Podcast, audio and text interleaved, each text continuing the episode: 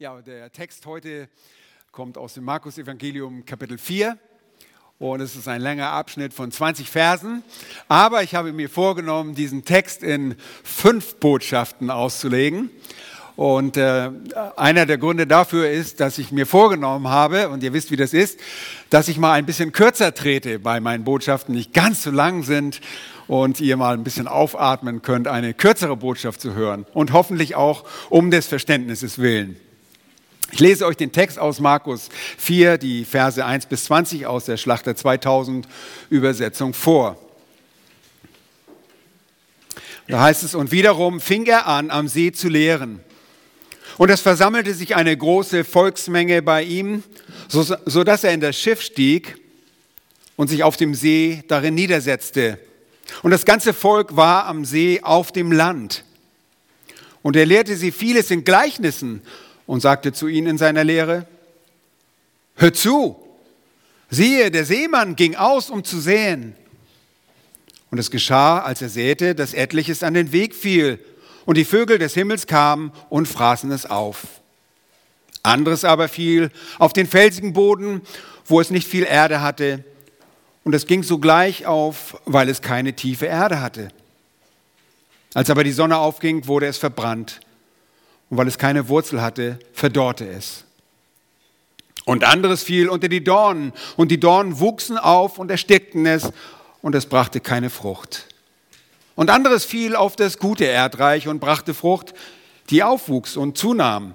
Und etliches trug dreißigfältig, etliches sechzigfältig und etliches hundertfältig. Und es sprach zu ihnen, wer Ohren hat zu hören, der höre. Als er aber allein war, fragten ihn die, welche um ihn waren, samt den Zwölfen über das Gleichnis. Und er sprach zu ihnen, euch ist es gegeben, das Geheimnis des Reiches Gottes zu erkennen. Denen aber, die draußen sind, wird alles in Gleichnissen zuteil, damit sie mit sehenden Augen sehen und doch nicht erkennen und mit hörenden Ohren hören und doch nicht verstehen, damit sie nicht etwa umkehren und ihnen die Sünden vergeben werden. Vers 13. Und er spricht zu ihnen, wenn ihr dieses Gleichnis nicht versteht, wie wollt ihr denn alle Gleichnisse verstehen? Der Seemann sieht das Wort. Die am Weg aber sind die, bei denen das Wort gesät wird. Und wenn sie es gehört haben, kommt sogleich der Satan und nimmt das Wort weg, das in ihre Herzen gesät worden ist. Und gleicherweise wo auf dem steinigen Boden gesät wurde, das sind die, welche das Wort, wenn sie es hören, sogleich mit Freuden aufnehmen. Aber sie haben keine Wurzel in sich, sondern sind wetterwindisch. Später, wenn Bedrängnis oder Verfolgung entsteht, um des Wortes willen, nehmen sie sogleich Anstoß. Und die, bei denen unter die Dornen gesät wurde, das sind solche, die das Wort hören.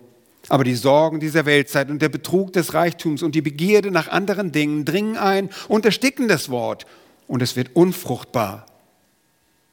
Und die, bei denen auf das gute Erdreich gesät wurde, das sind solche, die das Wort hören und es aufnehmen und Frucht bringen. Der eine 30-fältig, der andere 60-fältig, der dritte 100-fältig. Soweit das inspirierte Wort Gottes. Jesus in seinem Dienst, und das haben wir in unserer Serie in diesem Markus-Evangelium eindeutig gesehen, ist ein Verkündiger. Und das offenbart uns die Schrift völlig unmissverständlich. Und dabei verkündigt er aber nicht nur, sondern er lehrt auch die Menschen. Und dieses Lehren geschieht, und wir haben das gesehen in den Synagogen Galiläas, und in der Öffentlichkeit, zunächst auch in Dörfern oder in Städten und schließlich in ländlichen Gegenden Galiläas, weil Jesus nicht mehr in die Städte kommen konnte, weil sich die Menschenmengen dort drängten. In Markus 1 die Verse 14 und 15 lesen wir von Jesus, dass das Erste, was er in seinem Dienst nach der Versuchung durch den Teufel tat, die Verkündigung des Evangeliums war. Jesus war ein Verkündiger der guten Botschaft vom Reich Gottes. Und dort lesen wir, Kapitel 1, die Verse 14 und 15.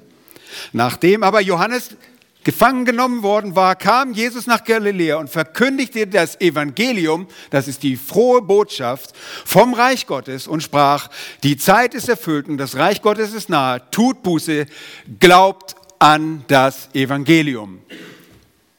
Der Aufruf ist deutlich, ein Aufruf zur Umkehr, zur Buße und ein Aufruf zum Glauben an das Evangelium, das Evangelium vom Reich Gottes. Es ist ein wunderbarer Aufruf, der heute noch Gültigkeit hat und wir als Botschafter Jesu sind damit betraut worden, diese gute Botschaft ebenso zu verkündigen.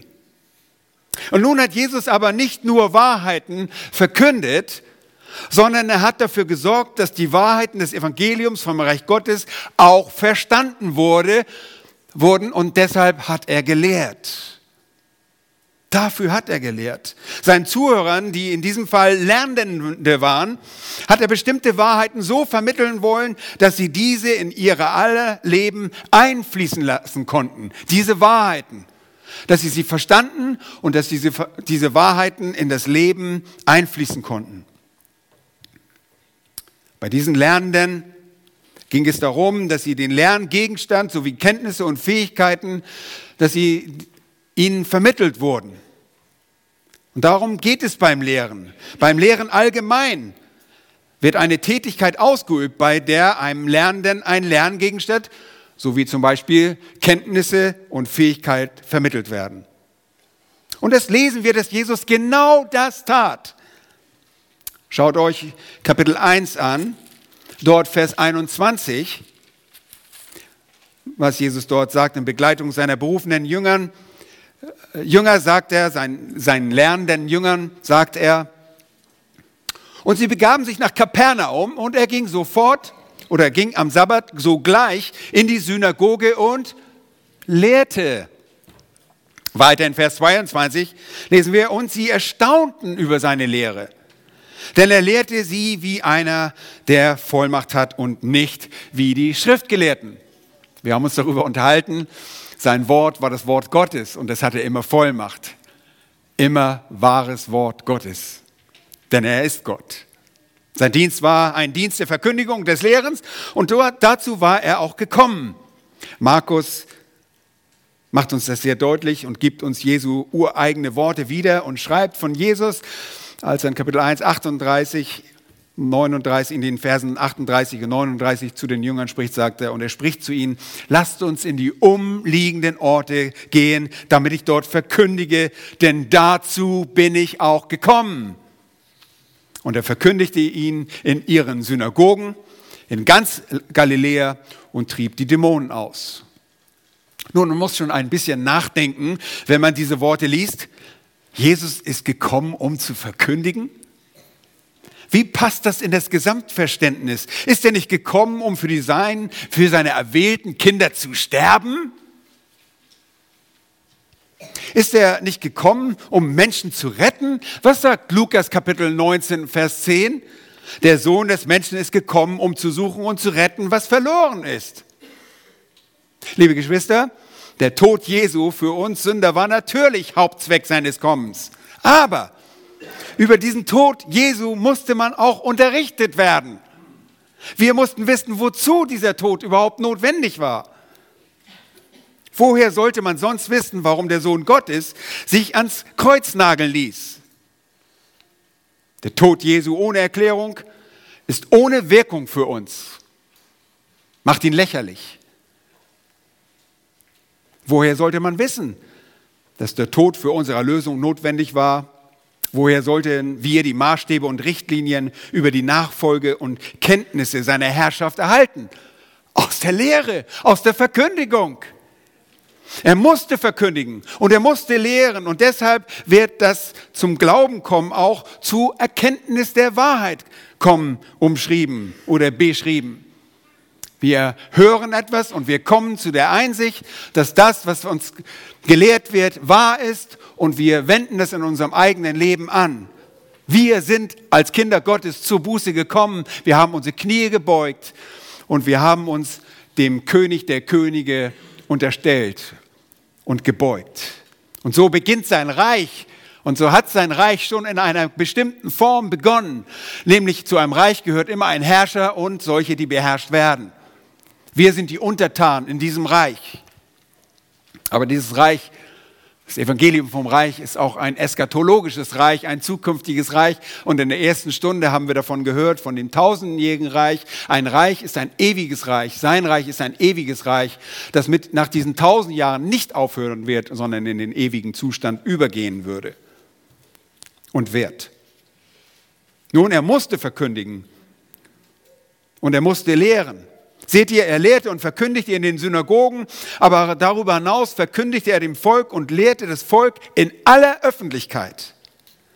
Und wenn ihr Johannes Markus in seinen Ausführungen folgt, dann stellt ihr fest, dass er als Autor Wert darauf legte, und das natürlich unter der Leitung des Heiligen Geistes, zu zeigen, dass Jesus das Volk lehrte. Kapitel 2, Vers 13 steht, da ging er wieder an den See hinaus und die ganze Menge kam zu ihm und er lehrte sie. Nun, wenn wir Jesus nachfolgen, was tun wir dann? Dann verkündigen wir und lehren wir. Rate mal, was wir tun hier in dieser Bibelgemeinde. Wir verkündigen und lehren. Begleitet wird Jesu Lehre durch Zeichen und Wunder und Jesus bestätigt sich durch diese übernatürliche Werke mit göttlicher Kraft. Und der Sohn Gottes ist als der erwiesene Herrscher und Retter. Und ihr erinnert euch, Markus leitet sein Evangelium damit ein, dass seine Absicht darin bestünde, den Anfang des Evangeliums von Jesus Christus, dem Sohn Gottes, aufzuzeigen und zu vermitteln. Das ist sein Anliegen. Jesus verkündigte und er lehrte unerschrocken. Und diese Dinge sind uns festgehalten als das Wort Gottes.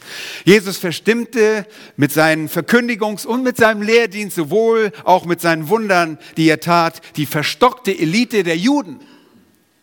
Die Pharisäer und Schriftgelehrten waren so verstimmt, dass sie sogar zusammen mit den Herodianern über einen Mordkomplott nachdachten. Erinnert ihr euch daran? Ich hoffe ja. Nun, das haben wir in Kapitel 3, Vers 6 betrachtet. In Kapitel 3 kommt es dann zu der ersten öffentlichen Anklage. Und das ist sehr wichtig, hört bitte zu. Es kommt zu der ersten öffentlichen Anklage gegen Jesus, bei der die jüdischen Leiter bei voller Evidenz über seine Person, bei voller Beweislage darüber, dass er der Sohn Gottes ist, gegen den Geist Gottes sündigen. Was tun sie? Sie hatten volle Erkenntnis darüber, dass Jesus ein Lehrer war, der von Gott gekommen ist. Denn, so sagte Nikodemus, niemand könne solche Zeichen tun, die Jesus tat, es sei denn, dass Gott mit ihm ist. Könnt ihr nachlesen, Johannes 3, die Verse 1 und 2. Und Nikodemus bezieht sich dabei lediglich auf die Zeichen, die Jesus während des ersten Passafestes in Jerusalem tat. So früh fand dieses Ereignis des Nikodemus, der bei Nacht zu Jesus kam, statt. Und diese Zeichen und Wunder waren so eindrücklich, dass sie sofort Erkenntnis und Einsicht über die Person Jesu gaben. Und zwar nicht nur für Nikodemus, er spricht im, im Plural, wir wissen. Wir wissen, dass du von Gott bist. Jetzt aber und wir sind schon im fortgeschrittenen Dienst des Herrn Jesus Christus bei Markus Kapitel 4. Er glaubt es oder er glaubt es nicht, aber ich habe das recherchiert. Und wahrscheinlich sind wir schon zu Beginn des Jahres 29, fast zwei Jahre nach seinem Dienstbeginn. Verstockt und mit Blindheit geschlagen, lässt Jesus die religiösen Leiter des Volkes in seinem heiligen Zorn links liegen. Habt ihr das gesehen in Kapitel 3? Er schaute sie an und er war zornig über ihr verstocktes Herz. Er, Jesus, bleibt seinem Auftrag treu und bleibt zielstrebig in dem Dienst, den der Vater für ihn vorgesehen hatte. Und so finden wir Jesus unbeehrt in der Verkündigung und Lehre und die Massen umgeben ihn unablässig. Und sie kommen sogar bis in seine temporäre irdische Wohnung. Erinnert ihr euch daran? Sodass sie ihm selbst die Nahrungsaufnahme zur, Unre dass ihm selbst die Nahrungsaufnahme zur Unregelmäßigkeit wurde. Sie kamen sogar in seine Wohnung. Und dann musste er sich an einsame Örter zurückziehen, weil er nicht mehr öffentlich in eine Stadt gehen konnte. All das macht uns Markus sehr deutlich. Und so gelangen wir zu Kapitel 4, dessen Inhalt sich zunächst und augenscheinlich nicht so sehr von den übrigen Ereignissen der vergangenen Kapitel unterscheidet. Wieder lesen wir, dass sich Jesus an den See Galiläa begibt, um dort zu lehren. Warum wiederholt Johannes, äh, Johannes Markus das immer wieder? Nun, achtet mal darauf. Und ich gehe davon aus, dass es sich dabei um das nördliche Seeufer handelt, die Gegend, in der sich auch Kapernaum befindet, der Ort, an dem Jesus sein temporäres Zuhause gemacht hat. Es ist in einem Gebiet, das ihm freien Zugang zum See gewährt. Seine Lehre steht weiter im Mittelpunkt, aber trotzdem ändert sich jetzt etwas entscheidend, und zwar die Art und Weise seiner Lehre. Und damit komme ich zum ersten Punkt meiner Verkündigung heute Nachmittag. Nun, ihr sollt euch prüfen, ob ihr aufnahmebereit seid mit dieser Predigt. Und ich möchte den ersten Punkt sagen, Jesus lehrt in Gleichnissen. Du denkst, so what? Und, was soll das? Nun, die Verse 1 bis 8 sehen wir dieses Gleichnis. Lasst uns die ersten beiden Verse noch einmal lesen. Und da heißt es, und wiederum fing er an, am See zu lehren, und es versammelte sich eine große Volksmenge bei ihm, so dass er in das Schiff stieg und sich auf dem See darin niedersetzte.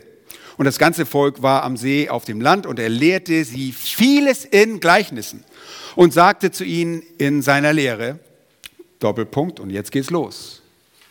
Jesus lehrt. Und er lehrt erneut. Und das drückt dieses Wort wiederum aus in eurem Text, in den Schlachtern. Wahrscheinlich findet diese Begebenheit an dem Tag statt, an dem ihm seine Familie in dem vollbesetzten Haus aufsuchte. Das Ereignis schließt sich hier also dem geschriebenen Text von Markus 3 direkt an. Und das wird auch sehr deutlich aus Matthäus 13. Da wird es sehr deutlich. Lukas geht in seiner Angelegenheit offenbar nicht chronologisch vor. Matthäus und auch Lukas erwähnen auch das Gleichnis vom vierfachen Ackerboden. Das sind die Parallelstellen. Noch einmal lehrt Jesus am See und das hatte er zuvor, wie erwähnt, in Kapitel 2 getan. Schaut auch einmal in Kapitel 3 die Verse 7 und 9 an, auch wenn dort nicht das Wort Lehren explizit genannt wird und auch wenn dort die Beglaubigung seiner Person als Retterkönig im Vordergrund stehen, so wissen wir genau, dass das Lehrer, Lehren immer sein Anliegen war. Da heißt es in Kapitel 3, die Verse 7 bis 9, aber Jesus zog sich mit seinen Jüngern an den See zurück. Und seine, eine große Menge aus Galiläa folgte ihm, auch aus Judäa und von Jerusalem und von Idumäer und von jenseits des Jordan und die aus der Gegend von Tyros und Zidon kamen in großen Scharen zu ihm, weil sie gehört hatten, wie viel er tat. Und er befahl seinen Jüngern, ihm ein kleines Schiff bereitzuhalten, um der Volksmenge willen, damit sie ihn nicht bedrängten. Also eine recht ähnliche Situation an dem See. Man könnte fast sagen, er ist jetzt zu einem Seemann geworden. Der Seemann erklärt das Gleichnis vom Sämann mit A-Umlaut. Nun, also in Kapitel 4 jetzt wieder ähnliche Umstände. Jetzt setzt sich in einem bereitgestellten, Jesus in diesem bereitgestellten Boot einfach nieder und beginnt von der Volksmenge unbedrängt zu lehren. Und das war die Absicht, warum er ein Boot wählte. Außerdem, die Akustik dort am Nordufer des Sees, ich habe es schon erwähnt, ist ausgezeichnet, sodass Hunderte, wenn nicht sogar Tausende von Menschen selbst ohne Verstärkeranlage gut verstehen konnten, was er dort sagte. Sicherlich hatte Jesus auch eine ausgeprägte, durchdringende und eine trainierte Stimme. Wer viel redet, hat eine trainierte Stimme. In Vers 2 nun das Sonderbare. Wirklich sonderbar. Wir haben das beim letzten Mal nur kurz angesprochen. Jetzt bekommt ihr darin ein bisschen mehr Unterweisung, okay? Jesus sprach zu den ihn anklagenden Leitern in Gleichnissen in dem vorhergehenden Text. Schaut einmal in Vers 23. 3 Vers 23. Da rief er sie zu sich und sprach in Gleichnissen zu ihnen. In Vers 2 nun belehrt er die ganze Volksmenge in Gleichnissen. Um euch die Bedeutsamkeit und diese Lehrmethode in diesem Zusammenhang zu erklären, muss ich euch zunächst einmal darüber belehren, was Gleichnisse überhaupt sind. Nun, das griechische Wort, das ihr hier in Vers 2 verwendet wird, Parabole, in der Mehrzahl ist es dort geschrieben, aber liefert uns in unserer Sprache das vielleicht ein bisschen weniger bekannte Wort Parabel. Es steht dort im, im, Zu, äh, im Plural, also Parabeln. Eine Parabeln ist eine gleichnishafte, eine belehrende Erzählung oder eine Geschichte oder eine Szene. Die Herkunft des griechischen Wortes ist Paraballo. Und es bedeutet einfach wörtlich, etwas Seite an Seite zu legen oder etwas nebeneinander zu stellen. Und das uns geläufigere deutsche Synonym dazu ist einfach Gleichnis. Parabel, Gleichnis. In einem Gleichnis wird eine Vergleichserzählung gebraucht, um mit einer sinnlichen, das heißt einer wahrnehmbaren, einer physischen vielleicht und einer weiteren, eine weitere übersinnliche, eine geistliche Wahrheit zu illustrieren. Und diese beiden Dinge stehen nun Seite an Seite. Die werden Seite an Seite gestellt. Die Geschichte von dem Ackermann, und man denkt, er äh, wird jetzt über Agrarwissenschaft unterrichten, aber das ist nicht sein Anliegen, sondern diese Wahrheit steht an der Seite von einer geistlichen Wahrheit. Diese beiden Dinge stehen Seite, Seite zum Zweck der Illustration, um etwas verständlicher zu machen, beziehungsweise auch um eine Wahrheit zu verbergen.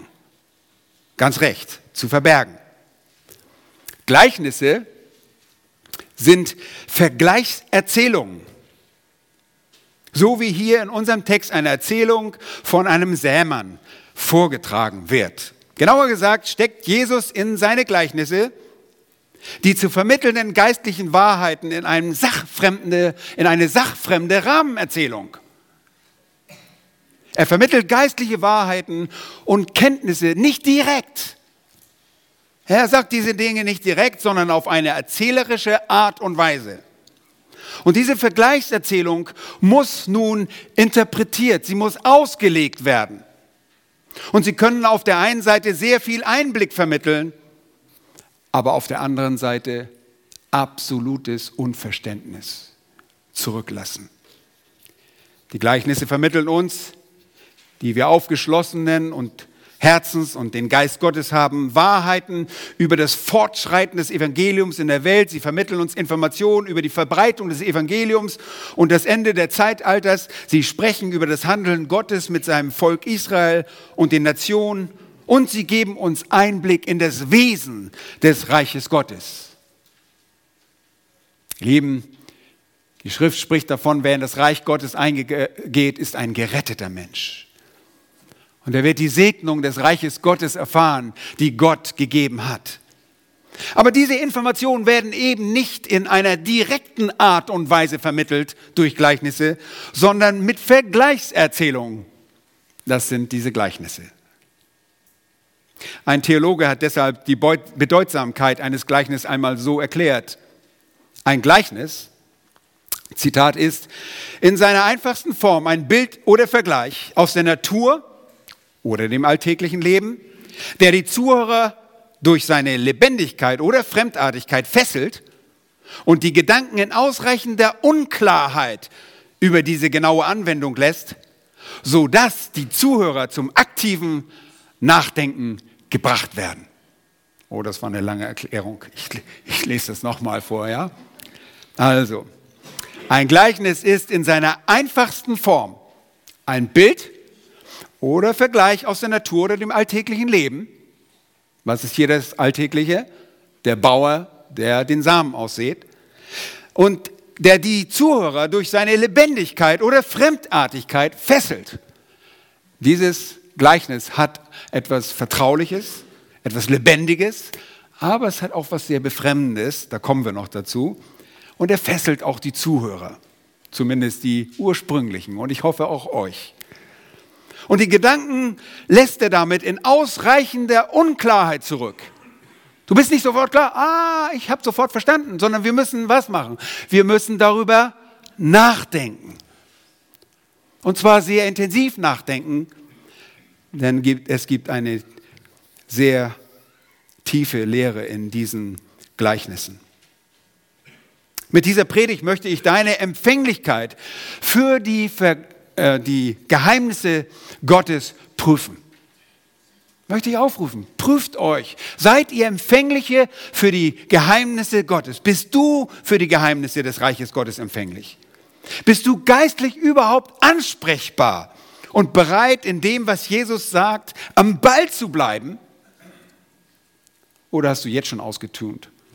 Bist du jetzt schon bei dem Ergebnis des Formel 1-Renns oder des, der, der Nachmittagsspiele des, der Bundesliga? Bist du bereit, durch Nachdenken die Erträge der die offenbarten Wahrheiten in deinem Leben zu implementieren? Bist du bereit dazu? Das ist eine ernste, sehr ernste Frage. Nun lass mich noch einmal diesen Text, den dieser Theologe äh, uns gegeben hat, ein kleinere Sinnabschnitte ähm, abgrenzen. In einem Gleichnis, und ein Gleichnis bedient man sich bildhafter Sprache. Okay? Eine Metapher oder eine Simile.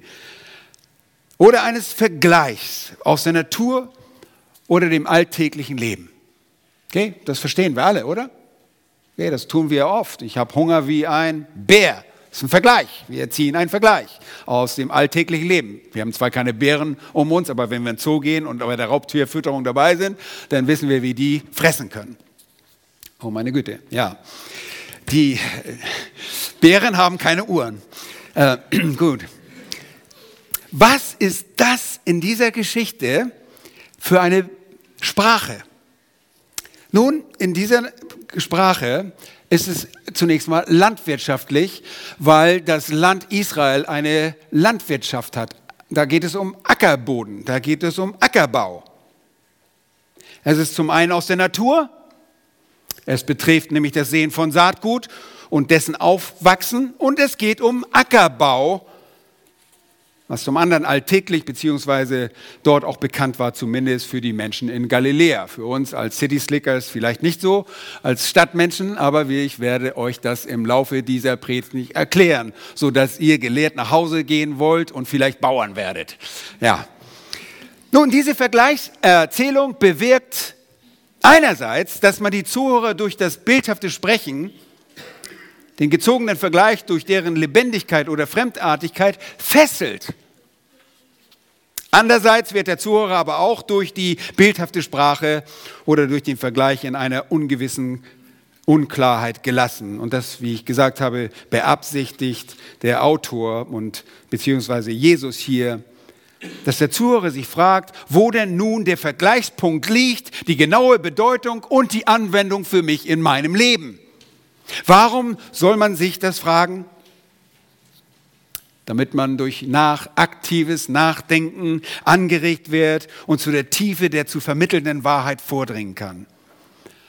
Und das ist die eine Absicht, der wir in der kommenden Wochen uns an den Sonntagen in den folgenden Predigten auch nachgehen werden.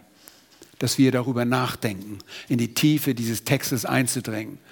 Weil dieses Gleichnis haben wir schon so oft gehört. Und wir wissen schon alles. Eigentlich können wir schon wieder nach Hause gehen. Wir wissen ja schon alles. Und wir waren ja auch gerade auf dem Eventcamp, da haben wir das auch gehört. Wir wissen sowieso schon alles. Wir können gehen. Nun, bevor wir in diese Tiefe gehen wollen, wollen wir uns mit ein paar anderen wichtigen Dingen beschäftigen, die wir in diesem Zusammenhang klären müssen. Wir beschäftigen uns heute mit der wichtigen Einleitung zu diesem Gleichnis und es wird vier weitere Predigten geben, mit denen wir in die Tiefe der Bedeutung des Textes vordringen wollen.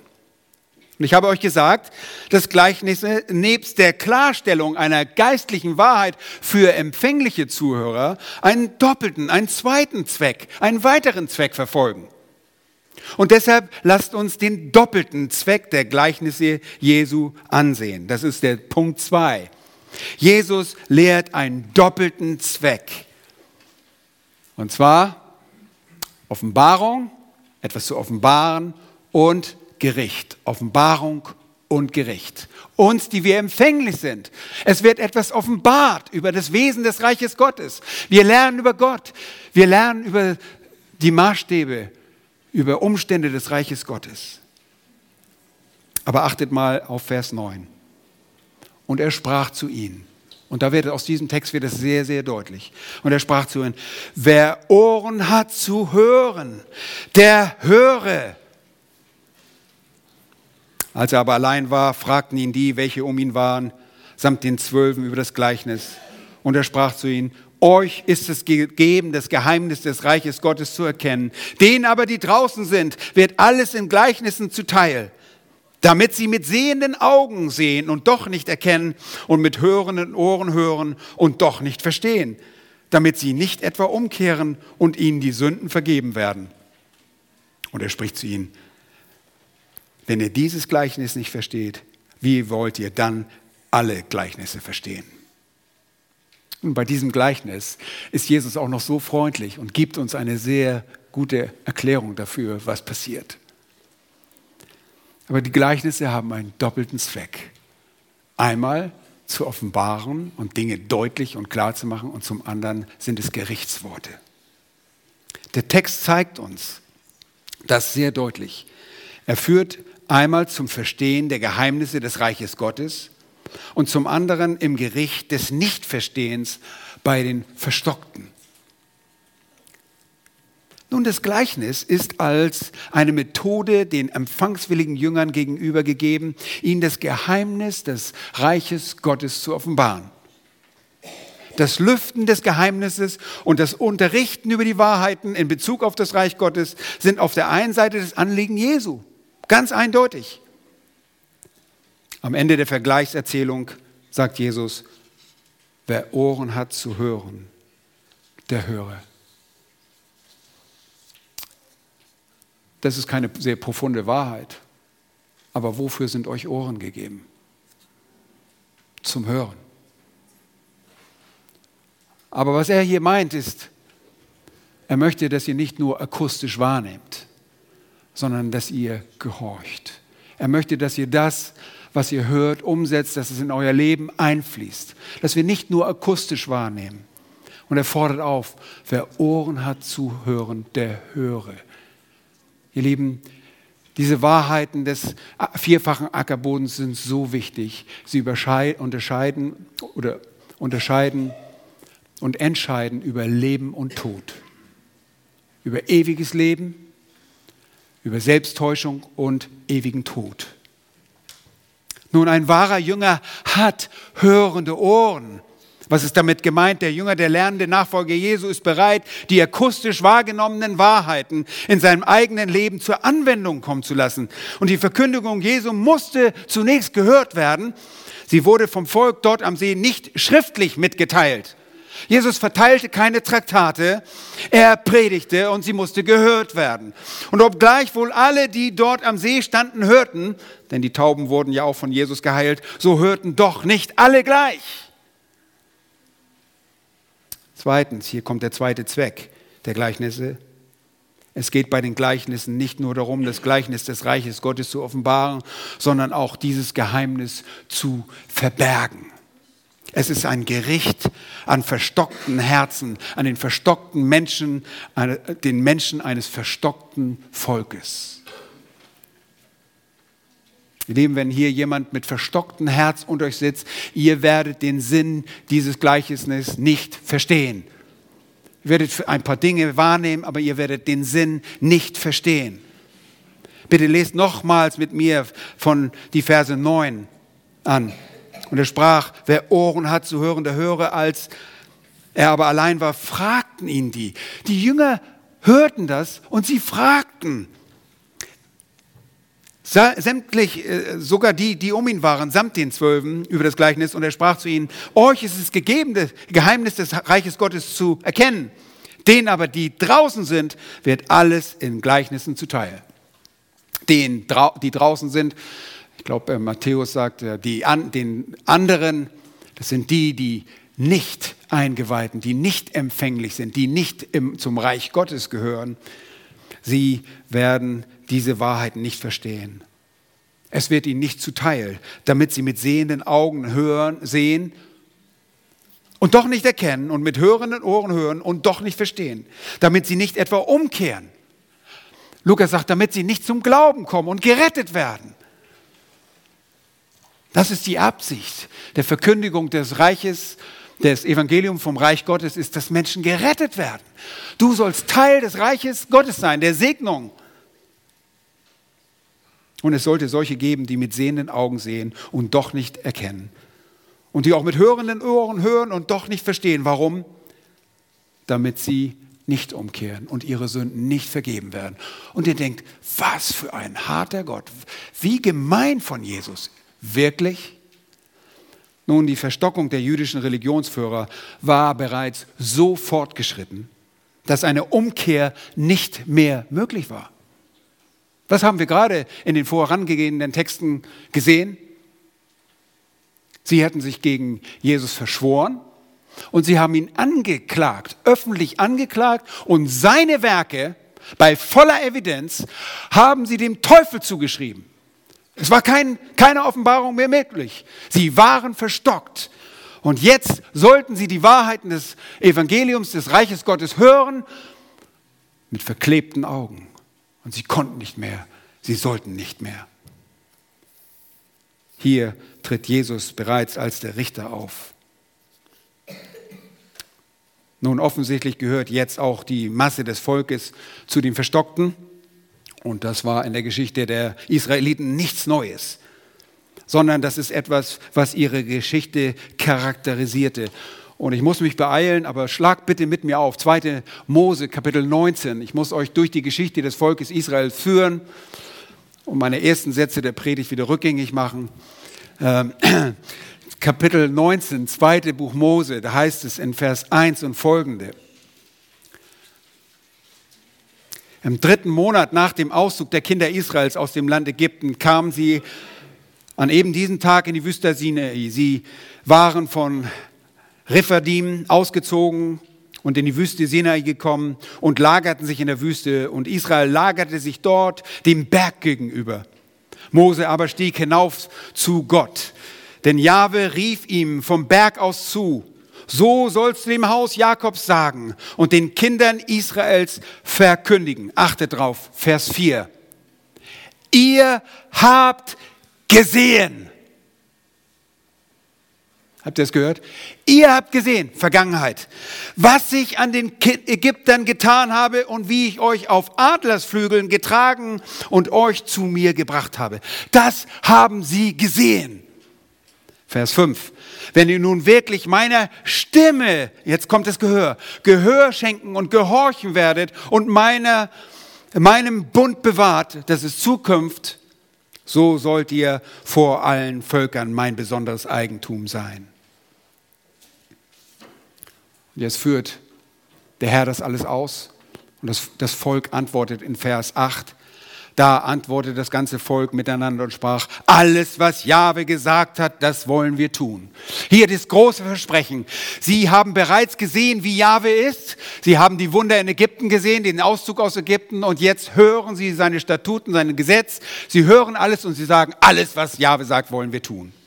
Nun, hört euch einmal die Worte von Mose an, die er im 40. Jahr nach dem Auszug aus Ägypten zu dem ganzen Volk Israel sprach. Er berichtet von ihrer Halsstarrigkeit und er blickt zurück auf Geschehnisse während der Wüstenwanderung. Und wir steigen ein bei seinem Bericht über das Verhalten und die Reaktion des Volkes auf die Nachricht der ausgesandten Kundschaft. Erinnert ihr euch im vierten Buch Mose? Schon bereits im zweiten Jahr werden Kundschafter ausgesandt von Kadesh Barnea in das verheißene Land und sie kommen zurück und sagen, ja wunderbar dieses Land. Schlagt das bitte auf. 5. Mose, Kapitel 1 und Vers 25. Mit diesen Texten mache ich euch deutlich, dass wir es mit einem verstockten Volk zu tun haben, dass es die Geschichte einer Verstockung ist, die sich jetzt in Jesu Zeit nur fortsetzt. 5. Mose 1 und ich lese ab Vers 25. Der zweite Teil, die Kundschafter sagen, das Land ist gut, das Jahwe, unser Gott, uns geben will. Aber ihr wolltet nicht hinaufziehen, sondern lehntet euch gegen den Befehl Jahwes, eures Gottes. Und ihr murrtet in euren Zelten und spracht, weil Jahwe uns hasste, hat er uns aus dem Land Ägypten geführt, um uns in die Hände der Amoriter zu geben, um uns zu vertilgen. Mose schaut jetzt zurück auf die Geschichte und er berichtet davon, wie sich das Volk verhalten hat. Das Volk, das versprochen hat, wir werden alles tun, was Jahwe gesagt hat. Vers 28. Wohin sollen wir ziehen? Unsere Brüder haben unser Herz verzagt gemacht, indem sie sagten, das Volk ist größer und höher gewachsen als wir, die Städte sind groß und bis an den Himmel befestigt. Dazu haben wir die Söhne Enaks dort gesehen. Ich aber sprach zu euch, und das ist Mose, entsetzt euch nicht, fürchtet euch nicht vor ihnen, denn Jahwe euer Gott zieht vor euch her und wird für euch kämpfen. Hört zu, ganz so, wie ihr es für euch, in, wie er es für euch in Ägypten vor euren, euren Augen getan hat. Und in der Wüste, wo du gesehen hast, wie Jahwe dein Gott dich getragen hat. Seht ihr, er bezieht sich hier auf das Sehen. Ihr habt das gesehen, ihr habt das in Ägypten gesehen und ihr habt das in der Wüstenzeit gesehen. Jahwe hat euch getragen. Trotzdem heißt es dann weiter, ich habe ich hab sie getragen, wie ein Mann einen Sohn trägt, auf dem ganzen Weg, den ihr zurückgelegt habt, bis ihr an diesen Ort gekommen seid. Aber in dieser Sache wolltet ihr Jahwe, euren Gott, nicht glauben. Sie glaubten einfach nicht. Und dann geht es weiter. Der doch vor euch herging auf dem Weg, um euch die Lagerstätten auszusuchen bei Nacht im Feuer, damit ihr den Weg sehen konntet, auf dem ihr gehen solltet, und bei Tag in einer Wolke.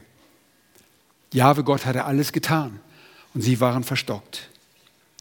Und dann seht ihr am Ende des Kapitels äh, des Buches von 5. Buch Mose, Vers 9, Kapitel 29, die Verse 1 bis 3, heißt es, und Mose berief ganz Israel und sprach zu ihnen, ihr habt alles gesehen. Merkt ihr? Ihr habt alles gesehen mit euren Augen. Was der Herr im Land Ägypten vor euren Augen, dem Pharao und all seinen Knechten und seinem ganzen Land getan hat. Die großen Prüfungen, die deine Augen gesehen haben, das wird immer wieder betont. Jene großen Zeichen und Wunder. Und Jahwe hat euch bis zum heutigen Tag noch kein verständiges Herz gegeben. Augen, die sehen und Ohren, die hören. Die hatten sie nicht. Und weil dieses Nicht-Hören zum Ungehorsam führte, spricht Gott auch einen Fluch gegen sie aus. Und ihr seht in den Kapiteln davor, in Kapitel 28, lesen wir in Vers 28, Kapitel 28, Vers 28, Jahwe wird dich schlagen mit Wahnsinn und mit Blindheit und mit Verwirrung der Sinne. Sie sind geistlich einfach blind. Das ist nicht die physische Blindheit gemeint. Das Volk Israel ist nicht ein blindes Volk, das alle mit Krücken und mit, mit äh, Gehhilfen laufen muss, sondern sie sind geistlich blind. Warum? Es ist ein Fluch aufgrund ihres Ungehorsams. Er verheißt ihn für den Ungehorsam, Unglauben und Blindheit und Verwirrung der Sinne. Und das ist ein Fluch, der dem ganzen Volk aufgrund ihres Ungehorsams verheißen wurde, bevor sie in das verheißene Land einzogen. Und ihr seht die Geschichte des Volkes Israel. Sie ziehen ein und sie bleiben dieses Volk. Ihr seht das in der Zeit der Richter. Es ist ein Zyklus von Sünde und Schrei nach Gott, der wieder Richter und Befreier bringt. Bis sie bei ihrem letzten alten Richter, der alt geworden ist, ihrem alten Propheten Samuel vorbringen und sagt, gib uns jetzt, setz uns einen König ein. Ihr könnt diese Geschichte nachlesen. 1. Samuel 8. Und Samuel trauert darüber und Gott sagt zu Samuel, Samuel, nicht dich, sondern mich haben sie verworfen. Und dann lesen wir später, dass Gott in, einem, in seinem Zorn gibt er ihnen einen König. Und in, in seinem Zorn nimmt er ihnen diesen König. Sie sind blind. Und die ganze Geschichte des Alten Testaments ist von geistlicher Blindheit gekennzeichnet. Und ihr kennt die Geschichte im Königreich. Das Königreich war ein untergehendes Reich. Und der Gott beruft Propheten. Der Prophet Jesaja wird berufen in Kapitel 6 und die Verse 9 und folgende drücken das allzu gut auf. Jahwe beruft sich Jesaja, der so wunderbar auf diese Berufung reagiert, mit Freude, nur um einem verstockten Volk Ermahnung und Verwarnung zu sagen. Da heißt es in Jesaja 6, Vers 9. Jahwe sprach, das ist er sprach, geh und sprich zu diesen fort. Hört immer fort, versteht nicht, seht immer zu und erkennt nicht. Das sind Imperative. Mache dein Herz dieses Volkes unempfänglich, mache seine Ohren schwer und verklebe seine Augen, damit es mit seinen Augen nicht sieht und mit seinen Ohren nicht hört und damit sein Herz nicht zur Einsicht kommt und es sich nicht bekehrt und für sich Heilung findet. Und Jesaja fragt, wie lange soll das angehen? Wie lange sollen die so blind sein? Nun, die Frage 11, und ich fragte, wie lange, Herr, er antwortete, bis die Städte verwüstet liegen, sodass niemand mehr darin wohnt und die Häuser menschenleer sein werden und das Land in Einöde verwandelt ist. Denn Jahwe wird die Menschen weit wegführen und die Verödung inmitten des Landes wird groß sein. Und ihr wisst, es folgt die babylonische Gefangenschaft. Das Nordreich war bereits in der Gefangenschaft 722 und der Jesaja wirkte bis 686. Und er, sie kommen in die Gefangenschaft und Israel kommt unter die, Fremd, unter die Fremdherrschaft der Nationen. Nun, Johannes greift diese Ereignisse auf in seinem Evangelium. In Johannes Kapitel 12 dürft ihr auch gerne mitfolgen. Und dort in Vers 23 in der Passionswoche, mitten in der Passionswoche, schreibt er von, den, von diesen Ereignissen. Jesus antwortete ihnen und sprach, die Stunde ist gekommen, der Sohn des Menschen wird verherrlicht. Wahrlich, ich sage euch, wenn das Weizenkorn nicht in die Erde fällt und stirbt, so bleibt es allein. Wenn es aber stirbt, so bringt es viel Frucht. Wer sein Leben liebt, der wird es verlieren. Wer aber sein Leben in dieser Welt hasst, wird es zum ewigen Leben bewahren. Wenn jemand mir dienen will, so folge er mir nach. Und wo ich bin, soll auch mein Diener sein. Und wenn jemand mir dient, so wird ihm mein Vater ehren. Jetzt ist meine Seele erschüttert. Und was soll ich sagen? Vater, hilf mir aus dieser Stunde. Doch darum bin ich in diese Stunde gekommen. Vater, verherrliche deinen Namen. Da kam eine Stimme vom Himmel. Seht ihr, das ganze Volk sieht den lebendigen Gott im, unter sich. Ja, Gott zeltete unter ihnen. Er wurde Mensch, er zeltete unter den Juden. Und jetzt hören sie seine Stimme, Gottes Stimme. Die Menge nun, äh, da kam eine Stimme vom Himmel, die sprach, ich habe ihn verherrlicht und will ihn wiederum verherrlichen. Die Menge nun, die dabei stand und dies hörte, sagte, es habe gedonnert. Und andere sagten, ein Engel hat mit ihm geredet. Und Jesus antwortete und sprach, nicht um meinetwillen ist diese Stimme geschehen, sondern um euretwillen. Jetzt ergeht ein Gericht über diese Welt und nun wird der Fürst dieser Welt hinausgeworfen werden. Und ich, wenn ich von der Erde erhöht bin, werde ich alle zu mir ziehen. Und das sagt er, um anzudeuten, durch welchen Tod er sterben würde. Nun, dann sagt er, die Menge antwortete, wir haben aus dem Gesetz gehört, dass der Christus in Ewigkeit bleibt. Wie sagst du denn, der Sohn des Menschen müsse erhöht werden? Wer ist dieser Sohn des Menschen? Da sprach Jesus, noch eine kleine Zeit ist das Licht bei euch. Wandelt, solange das Licht noch habt, damit euch die Finsternis nicht überfällt. Seht ihr, hier kommt die Stimme Gottes und sie verstehen die Stimme nicht. Sie können sie nicht wahrnehmen. Sie können sie weder das, was sie sehen, richtig einordnen, der wahrgenommene, die wahrgenommenen Wunder führten zu einem oberflächlichen Glauben. Das zeigt uns Johannes in Kapitel 2. Einige glaubten aufgrund der Zeichen und Wunder. Und das, was sie hören, können sie nicht einordnen und verstehen sie nicht. Sie sind mit Verwirrung geschlagen worden. Und dann greift diese Sache Paulus auf im Römerbrief. Und er sagt, dass Verstockung einem Teil des Volkes Verstockung widerfahren ist, Aber es gibt einen Überrest, sagt er, so wie bei Elia es einen Überrest gab in äh, Römer Kapitel 11. Dann sagt er, nun ist auch in der jetzigen Zeit ein Überrest vorhanden aufgrund der Gnadenwahl. Wenn aber aus Gnade, so ist es nicht mehr um der Werke willen. Sonst ist die Gnade nicht mehr Gnade. Wenn aber um der Werke willen, so ist es nicht mehr Gnade, sonst ist das Werk nicht mehr Werk. Wie nun? Was Israel sucht, das hat es nicht erlangt. Die Auswahl aber hat es erlangt. Die übrigen dagegen wurden verstockt. Und dann heißt es weiter, wie geschrieben steht, Gott hat ihnen den Geist der Betäubung gegeben. Augen, um nicht zu sehen und Ohren, um nicht zu hören, bis zum heutigen Tag. Vers 10, ihre Augen sollen finster werden, dass sie nicht sehen und ihre Rücken beugen alle Zeit. Seht ihr, das Volk Israel hat eine Geschichte der Verstockung. Und diese Verstockung sehen wir in Kapitel 3. Allem voraus die religiösen Leiter, die die wunderbaren Werke Jesu, all diese guten Dinge, die er tat, schreiben sie dem Teufel zu. Sie sehen und sie hören, aber sie können es nicht wahrnehmen. Und deshalb lehrt Jesus jetzt in Gleichnissen.